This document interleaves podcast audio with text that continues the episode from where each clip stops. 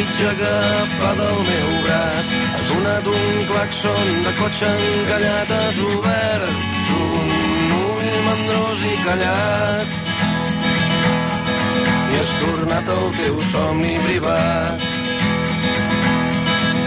Pujava el cafè i ens he recordat ballant a una platja amb barrets mexicans la cara que feies al anar girant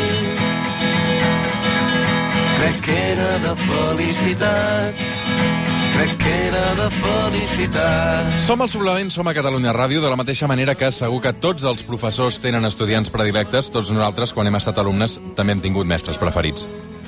La de mates, el de naturals, la de català, el de filosofia o la d'història, tant és. Ara que sembla que les escoles tornaran a obrir més d'hora que tard, volem parlar amb els millors professors europeus i de tot el planeta, o com a mínim dos d'ells. César Bona, bon dia, buenos días. ¿Qué tal? Buen día, ¿cómo estáis? Muy bien, ¿y, y tú? Bien, bueno, no me, no, yo no me, no, no me puedo quejar. A ver, esto, me, me tocó en el pueblo y entonces aquí estoy con, con la familia, con mi gata, dando ahora paseos por, por el río, así que bueno, pues, pues ya, ya digo, hay que sacar lo, lo bueno de todo esto, ¿no? ¿Dó- ¿Dónde estás exactamente? ¿En qué pueblo estás? Añzón, que está a 64 kilómetros de Zaragoza. ¿Qué significa esto de ser el, el mejor profesor? ¿Quién lo decide? ¿Hay un ranking? ¿Es un premio? ¿El Global Teacher Prize este? Bueno, realmente eso eh, son, son cosas de la prensa, yo siempre siempre lo he dicho, ¿sabes? Entonces eh, me, me, me llama la atención porque... Yo- no me lo he inventado, ¿eh? No, no, no. No, pero a ver, eh, esto, mira, surgió hace hace unos años, entonces una organización pues fundó el, el Global Teacher Prize y a raíz de, eso, pues bueno, pues eh, hicieron una, una selección y, bueno, pues entré entre los 50 en el mundo y esto, te voy a decir, me, me dio, me, me, me posibilitó empezar a viajar y conocer cientos y cientos y cientos de, docentes que hacen cosas maravillosas de forma anónima. Así que, bueno, relativicemos esto de, mejor. Mm. Tú eres maestro de, quinto de primaria en el Colegio Público Puerta de Sancho de Zaragoza. Me han dicho que apenas usas el libro de texto y que pones pocos deberes, ¿no? Bueno, sí, bueno, ahora, estoy de excedencia. Ya te que ahora llevo mm, bastante tiempo viajando y, y con esa suerte de poder conocer, aparte de experiencias escolares también, de, pues, de conocer contextos y, y personas que, pues, que al fin y al cabo te, enseñan que cada uno puede aprender de, los demás, ¿no? Así que bueno, sí, los, los libros es, es algo que, que es, que es útil, pero que no es la, la guía de la vida y los deberes pues es algo a lo que hemos estado acostumbrados durante muchísimo tiempo y, hay bastantes cosas que a lo mejor podemos revisar no Eh, de hecho esta esta oportunidad que nos da la vida esperemos que sea única está está haciéndonos ver pues que, que la educación es mucho más que, mandar deberes Mm. Però tu eh, sigues escribiendo libros. Eh, Derechos y deberes de la infancia és l'últim llibre um, que ha escrit el César Bona y de hecho ha ilustrado un artista catalán muy reconocido que es Joan Turu. Se basa en los 60 años desde la Asamblea General de las Naciones Unidas que aprobara la, la Declaración de los Derechos del Niño. Una declaración importante, ¿no? Sí, bueno, de hecho es algo lo que, lo que, que tendría que estar, eh, no, ya no este libro me refiero, el, el, el, el, hecho de estudiar eh, los derechos de la infancia debería estar en las mesillas de, de todas las personas, no solo los docentes, ¿no? Y bueno, sí, he tenido la, la fortuna de, de trabajar con, con Joan Turú, que es absolutamente maravilloso, tiene, tiene magia en los dibujos. Mm. La educación a distancia, ¿eh, ¿qué nos ha enseñado estos meses? Bueno, a ver, la, digamos que vamos a, si, si ampliamos un poco el, el rango de, de pensamiento, ¿no? El- lo que es la, la pandemia en sí, todo lo que nos ha enseñado y lo que nos ha hecho al menos reflexionar, o estaría bien que nos hiciera reflexionar en cuanto a la educación eh, a distancia, pues claro, nos ha hecho ver que primero si buscamos justicia en educación tenemos que, conseguir que todos niños y niñas, sin excepción, eh, tengan acceso a Internet. Lo, lo que pasa de momento es que, no, funciona. Luego también, pues que, muchas veces opinamos desde nuestra circunstancia, entonces esta es mi circunstancia, esta es mi opinión. Cuando mejor decimos, bueno, yo tengo ordenador, pues supongo que todas las personas tendrán, no todos tienen. Y luego, pues también es un, contraste interesante, ¿no? Que antes, o sea, hace dos, escasamente dos meses, decíamos pues que los teléfonos móviles sí o no en las escuelas o en los institutos, y ahora parece que son una tabla de salvación. Y también nos daría para pensar que, que aquello que dijo Prensky de que los niños son nativos digitales, eh, a lo mejor eh, no, es, no es realmente así, ¿no? Porque si hay alguien que tiene que educarlos en el uso responsable y ético de la tecnología, hemos de empezar por, por, nosotros, ¿no? Los adultos. Mm. Y, también nos hemos dado cuenta estos días que, los padres han jugado un papel clave o mayor aún en la educación, ¿no? Ejerciendo de profesores incluso. Es, eh, efectivamente, y, también ha mostrado un poco los descosidos de, del, traje que, se hizo hace mucho tiempo en, la educación, ¿no? Y es verdad que, que, ahora mismo también hemos de valorar muchísimo, pues, todo ese esfuerzo que están haciendo las, las familias por llegar como se pueda, primero a sus trabajos, si, si, si siguen manteniéndolos, porque es una crisis a nivel mundial, luego por, por cómo gestionan también eh, las emociones, que con eso también se, se educa, ¿no? Y luego, obviamente, no quiero olvidar la, tarea de estos miles de, docentes que, hacen todo lo posible, todo lo posible por, por, llegar a, niños y niñas, ¿no? Y no siempre me refiero con, tareas, que es lo que mucha sociedad, mucha gente en la sociedad piensa, ¿no? Que muchas veces con una llamada o con un WhatsApp están diciendo, mira, estamos aquí, cuando todo esto termine, pues vamos a darnos un abrazo nada más que se pueda. Mm, una de las conclusiones también es que no tiene nada que ver enseñar a través de una pantalla que hacerlo en las aulas. ¿Cómo se va a recuperar también los alumnos a, lo que una vez vuelvan a, la clase? Bueno, pensemos que, como te he dicho antes, la vida nos está enseñando muchas cosas y, y, algo en lo que tenemos que pensar precisamente es que si ahora somos flexibles o tenemos que ser flexibles, cuando regresemos hemos de ser mucho más, porque habrá más diferencias que había antes, partiendo por desde esa base, ¿no? Y también hemos de tener muchísima paciencia, porque eh, no podemos no podemos decir, bueno, pues ahora dedicamos un par de días a recuperarnos y seguimos con contenidos, ¿no? De hecho, algo que muchas veces, pues estos días pensamos o lanzamos preguntas para, para recibir muchas veces respuestas parecidas, ¿no? Pues cómo evaluamos, evaluar lo que hacen, si más contenidos o menos contenidos, porque la palabra contenidos pesa muchísimo en, educación, qué hacer para que no se relajen, he llegado a escuchar por ahí, ¿no? Entonces lo que tenemos que hacer, quizá, mi, mi, opinión, ¿no? Es que más allá de responder las mismas preguntas, es que a lo mejor tenemos que cambiar unas cuantas preguntas. Por, por, ejemplo, eh, pues si alguien piensa realmente que el sistema actual es un sistema de éxito, que, que sería un buen punto de partida. ¿Qué falla del sistema actual? Bueno, por, por datos, ¿eh? Por datos, por ejemplo, bueno, estaríamos hablando de aquí un, buen rato. Obviamente hay cosas muy buenas y sobre todo entre, entre las cosas del sistema que son buenas es, ya digo, el trabajo que hacen muchos docentes. El, ahora mismo uno de cada cuatro alumnos de la ESO no termina sus estudios. Y esto no es culpa de los de secundaria, es culpa de todo el sistema. O si no saben relacionar muchas veces el contenido de historia con matemáticas o con lengua o con inglés, porque parece que son mundos distintos, pues algo falla o si el sistema expulsa a tantos y no podemos hacer nada para recuperarlos, algo falla, o si, o si pues hay muchísimas cosas. Por ejemplo, la filosofía, si no está en la escuela, pues es fundamental el pensamiento crítico, o temas tan importantes ahora mismo, que no hay nada más importante como la salud, y ya no me refiero solo a la, salud eh, física, sino también emocional, tienen tan poco peso, fijaos el peso, el peso que tienen las escuelas ahora mismo, algo falla, ¿no? Entonces hay muchas bueno, o, por ejemplo, si, si, en los propios debates electorales dedican 30 tristes segundos a la educación, pues también algo, algo falla. Hmm. ¿Tú cómo, cómo te imaginas que será esta vuelta al cole?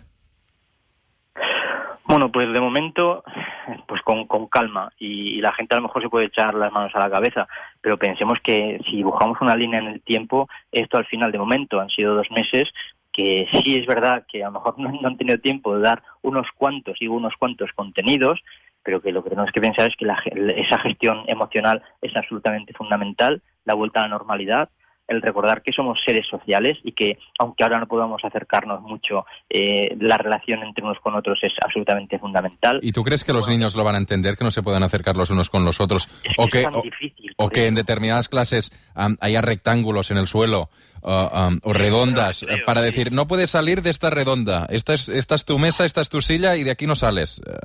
Esto, tiene esto lo han hecho en Francia. ¿eh? Ayer le preguntamos al, al conseller de, de, de Educación de Cataluña si esto pasaría también uh, en Cataluña y nos dijo que no, pero en Francia está pasando. Pues es que yo solo ya me imagino, a ver, eh, muchas veces las decisiones que tomamos son desde un punto de vista adultocéntrico, ¿no? Pero es fácil ponerse en el lugar de un niño de 6, 7, 8 años, 9, 10. Es decir, vale, y ahora salgo al recreo y me tengo que quedar en, en mi cuadro de 2 por 2 Eso, a ver, en principio, casi más, más que irreal, es casi de ciencia ficción. Entonces, esperemos eh, que, bueno, es lo único que puedo decir, ¿no? Esperemos que, todo se, se recupere pronto, que vuelva a la normalidad, pero bueno, eso yo creo que está bastante lejos de la normalidad, ¿no? El que vayan a la escuela y que estén a dos metros de los compañeros es realmente difícil, ¿no? Por eso, ojalá supiéramos, supiéramos la respuesta. Hay muchas dudas, ¿eh? Porque también se explica que uh, las ratios serán más bajas, serán uh, 8, 10, 12 alumnos por profesor, cuando las clases normalmente son de 25. Mm, ¿Esto cómo lo hace? Si las escuelas son las mismas, las clases son las mismas y, y los alumnos que, que optan a, a, recibir las clases son los mismos que antes, ¿no? Efectivamente. ¿Dejas a unos en casa ojalá. y otros en la clase? De hecho, a ver, de hecho, ojalá eh, sí que llego cuando la, la, vicepresidenta llegó a decir que esto es un punto de inflexión y que va a cambiar muchas cosas en la vida. Ojalá cambie el modo en el que vemos la educación, realmente. Lo que pasa es que, a ver, por una parte, uno teme que cuando todo regrese a la normalidad, la educación no volverá a una nueva normalidad. Eso es lo que me temo, ¿no? Sino que volverá a la normalidad que había antes y eso me provoca por una parte tristeza, pero luego uno tiene que tener esperanza, la, la, educación está asociada con la esperanza, ¿no? Y yo creo que, que más allá incluso de esa pregunta que hemos dicho, ojalá las ratios bajen, pero también sería fácil decir qué escuela quieres tú, si, o qué escuela querrías tú si fueras niño, o si, o si piensas en tus hijos, o si piensas que la sociedad que, que queremos está en las escuelas que tenemos.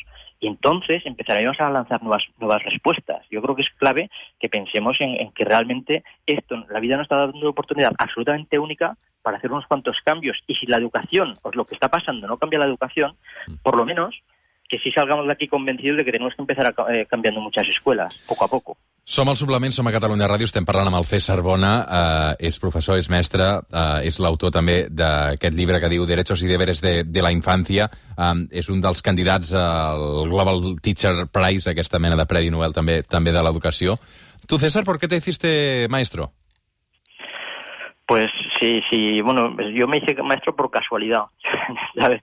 Muchas veces se asocia esta profesión con, con la vocación, ¿no? Y es verdad que hay muchísima gente que dice, bueno, pues yo desde niño ya quería ser docente, bueno, yo empecé a estudiar filología inglesa eh, y en realidad incluso eso, a ver, yo siempre me he considerado de madurez tardía, ¿sabes? Entonces decía, pues estaba en el instituto, decía, pues no sé qué quiero hacer. Entonces que me lancé a filología porque era de las pocas que había que estaban en Zaragoza, ya ves tú. Y luego hice magisterio porque por ampliar, por ampliar posibilidades, y si, si te soy sincero. Pero sí que fue en el momento en el que yo estuve rodeado de, de niños y niñas, ese momento dije, Buah, esto es muy difícil y esto requiere una grandísima responsabilidad. Y a partir de ahí, fíjate qué curioso, pues uno empieza a aprender.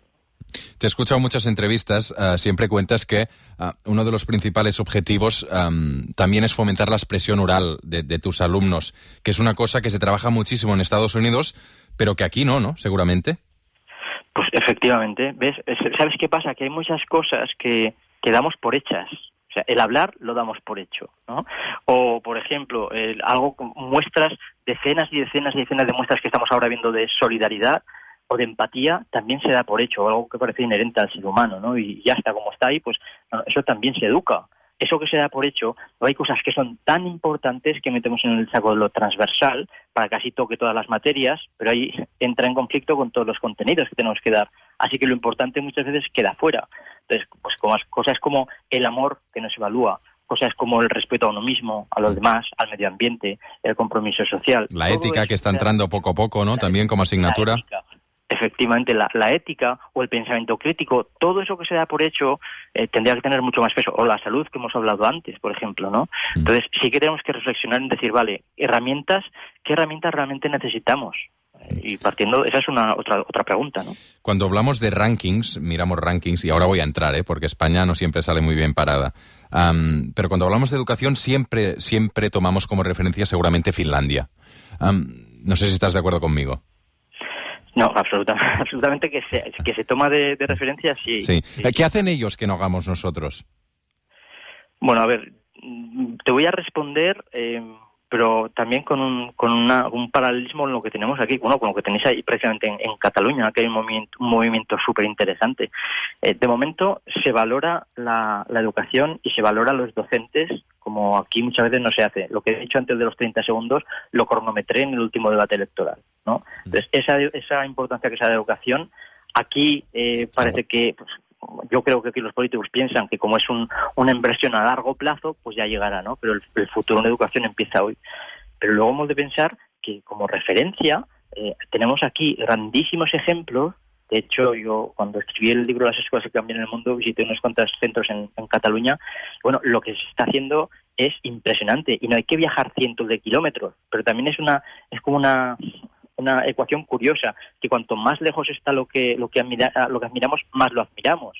Y hay muchos ejemplos cerca que, en los que nos podríamos fijar. Ah, en España, ah, te voy a leer un par de titulares. ¿eh? España empeora en matemáticas y ciencias en el informe PISA, situándose por debajo de la media de los países de la OCDE. La puntuación de los estudiantes españoles en matemáticas y ciencias es equiparable a la obtenida por los jóvenes de Hungría y Lituania. En comparación con países del entorno más próximo, España tiene peores resultados que Portugal y Francia en ambas competencias, aunque mejores que Italia en ciencias.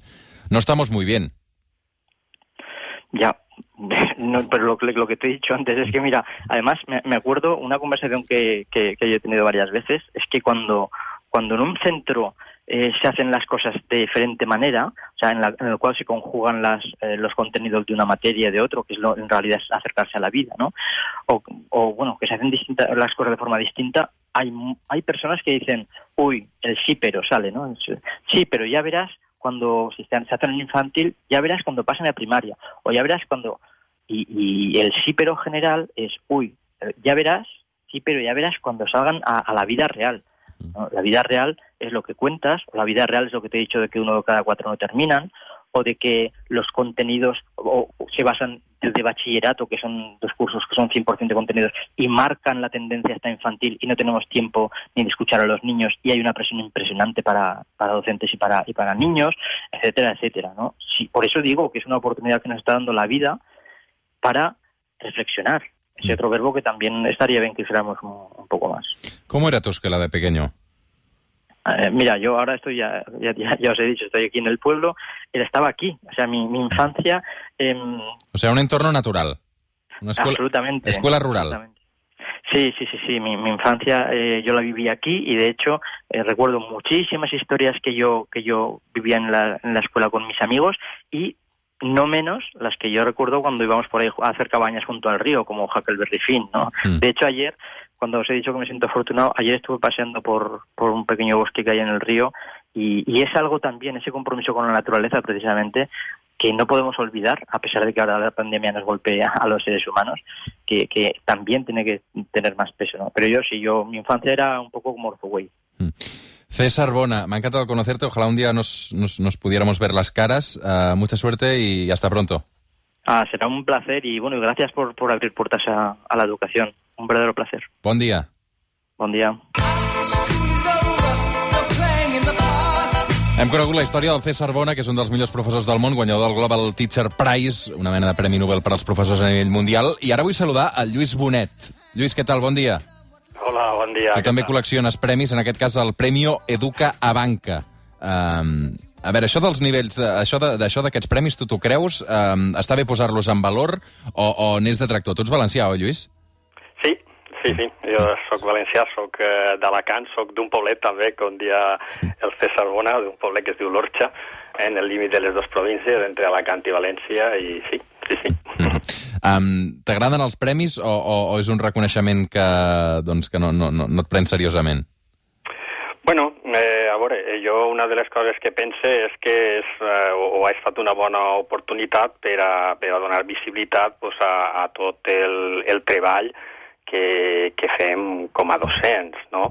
Eh, en el meu cas, pues, he de dir que, bueno, aquest any m'ha tocat a mi, però quan, quan es parla d'estos premis, normalment eh, jo pense que, que, bueno, que no, no, no és una, un profe que va sols per ahir, mm. eh, sinó que bueno, jo en el meu cas pues, eh, puc presumir d'estar de, molt ben rodejat de, de companys en els quals treballe tant dins eh, del centre com fora, no? compartint idees, compartint eh, molts projectes eh, sempre pues, bueno, encaminats a, mm. a aquesta passió i a aquesta millora que pretens no? en el que és eh, eh, l'ensenyament i, bueno, i, i la sort també d'estar de, rodejat per, per en, este, en este cas, eh, per unes famílies que en tot moment pues, creuen no? en un poquet en aquests projectes que tu poses en marxa i, i en un alumnat que te segueix, que te segueix, no? Aleshores, Clar. Eh. tot aquest conjunt és el que al final eh, dius, bueno, pues ha, ha estat guardonat d'alguna manera, no? Però si els actors, els directors de teatre, eh, de cine reben premis, els periodistes rebem reconeixements,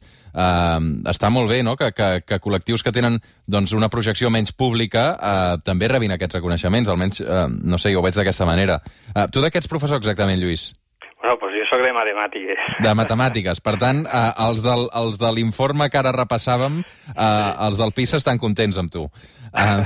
bueno, eh, jo, bueno, a veure, és cert, no?, que, que ixen, ixos resultats estan ahí de més, però justament això el que, el que reflectix és que eh, és el moment eh, per a, per a fer-nos la reflexió, sobretot eh, des de la nostra matèria, no?, fer una reflexió profunda i pensar en què cal un canvi important, sobretot en la metodologia que emprem en les nostres aules. No? Jo crec que això és, és fonamental i bueno, pues a partir d'ahir crec que, com dia el César Bona, pues, eh, possiblement anirem aconseguint eh, millors resultats, però fa falta eh, un canvi metodològic eh, eh, vamos, de, de, de, de, de 180 graus, no? en este cas, en les matemàtiques, sí. T'ha tocat fer classes a, a través d'una videoconferència, tu aquests dies, o online? A veure, eh, mira, l'altre dia escoltava un company meu que, que deia que, bueno, que poden haver moltes bandes amples, no? però des de luego la banda més ampla que hi ha és la, la de la docència en l'aula. No? És dir, ahir, en, eh, bueno, jo en aquest cas eh, tinc molta sort, mira, els meus grups eh, són tots grups digitals no? en el meu centre, i bueno, pues, en aquest sentit eh, soc afortunat, no? perquè bueno, des, de, des del primer moment que va començar tot el problema aquest, doncs jo he pogut eh, continuar eh, en certa normalitat no? eh, eh, les classes, val? Però bueno, és cert que, que com aquest contacte en l'aula, no? eh, hi ha molts detalls, no? el treball en grup, eh, le, le, les intervencions, les, les, eh, no sé, les, les reflexions que, que apareixen eh, dels alumnes, pues, bueno, n'hi ha molts detalls d'aixòs que després pues, bueno, se perden un poquetet no? en el que és l'ensenyament virtual. Aleshores, bueno, crec que, que no hi ha color, no?, fer la classe en l'aula a fer-la virtual, però, però ens ha tocat aquesta i, bueno, del que es tracta d'intentar eh, fer-ho el millor possible en aquest sentit, no? Et fa por també que aquesta crisi o aquesta aturada eh, pels alumnes augmenti encara més les desigualtats eh, entre ells? Mm, mm, no, no pel fet només de perdre classes, sinó pel fet també de poder construir o de rebre unes classes a casa durant el confinament, eh, pel fet doncs, de que no, no tothom té un ordinador a casa, no tothom té la mateixa potència d'internet a casa, no tothom viu en una casa adequada, té la privacitat d'una habitació per ell sol. Eh, això pot fer créixer també la desigualtat, no?, pels alumnes? Bueno, sí, no, no, no et dic que no. Jo, com t'he comentat, en aquest sentit eh, m'he sentit afortunat, no? perquè bueno, eh, eh, pràcticament tot el meu alumnat, eh, al, ser, al ser un grup, grups eh, digitals, pues, bueno, podem, eh, podem fer això. Eh, jo, eh, en aquest sentit, eh, he sentit no, també iniciatives, no, he escoltat en, en diferents webinars de, de gent d'ahir de Catalunya, no, que, que ha pres iniciatives molt interessants. No. Jo, en el meu cas, eh, vaig optar des del primer dia no, de, de fer aquest acompanyament diari, no, aquestes classes en, en, en el meu alumnat eh, de manera eh, per videoconferència en aquest cas, no? perquè pense que, que hi ha tres aspectes que són fonamentals. No? I per una banda n'hi ha aquest aspecte d'intentar continuar eh, construint aprenentatge. No? Eh, després n'hi ha, també ho ha comentat el César, n'hi ha un aspecte que crec que és molt important i és eh, aspecte emocional, no? no solament per a l'alumnat, sinó per a nosaltres també com a docents, no? I reencontrar-nos no? tots els dies, eh, eh, l'alumne amb el seu professor, eh, els companys entre ells, perquè bueno, ahir en la plataforma estem tots, ens estem veient, ens estem escoltant, estem fent, eh, treballant no? i fent coses tots de manera conjunta. No? Crec que aquest aspecte també és molt important. I després, pues, bueno, també, eh, com dius tu, no? en, en, en la casa, eh, és important també pues, aquest aspecte a nivell organitzatiu no? el, el, i, de, i de convivència familiar, no? el tindre d'alguna manera pues, eh, unes sessions planificades, no, no sé, eh, com el dic, no? com algunes de les iniciatives que, que he escoltat que s'han fet eh, per companys i companyes d'ahir de Catalunya, i bueno, pues, eh, intentar d'alguna manera donar un, pues, bueno, un, un espai o un, un moment de normalitat no? dins, de, dins del que és el dia, no? I, bueno, i construir pues, espais d'aprenentatge, no? Hem sentit els senyals horaris de dos quarts de dotze del migdia, ho hem de deixar aquí. Uh, Lluís Bonet, moltes gràcies també per atendre'ns aquest matí al suplement. Una abraçada, bona tornada a l'escola. Hola, bueno, vinga, bona vesprada. Que vagi molt bé. Hem dedicat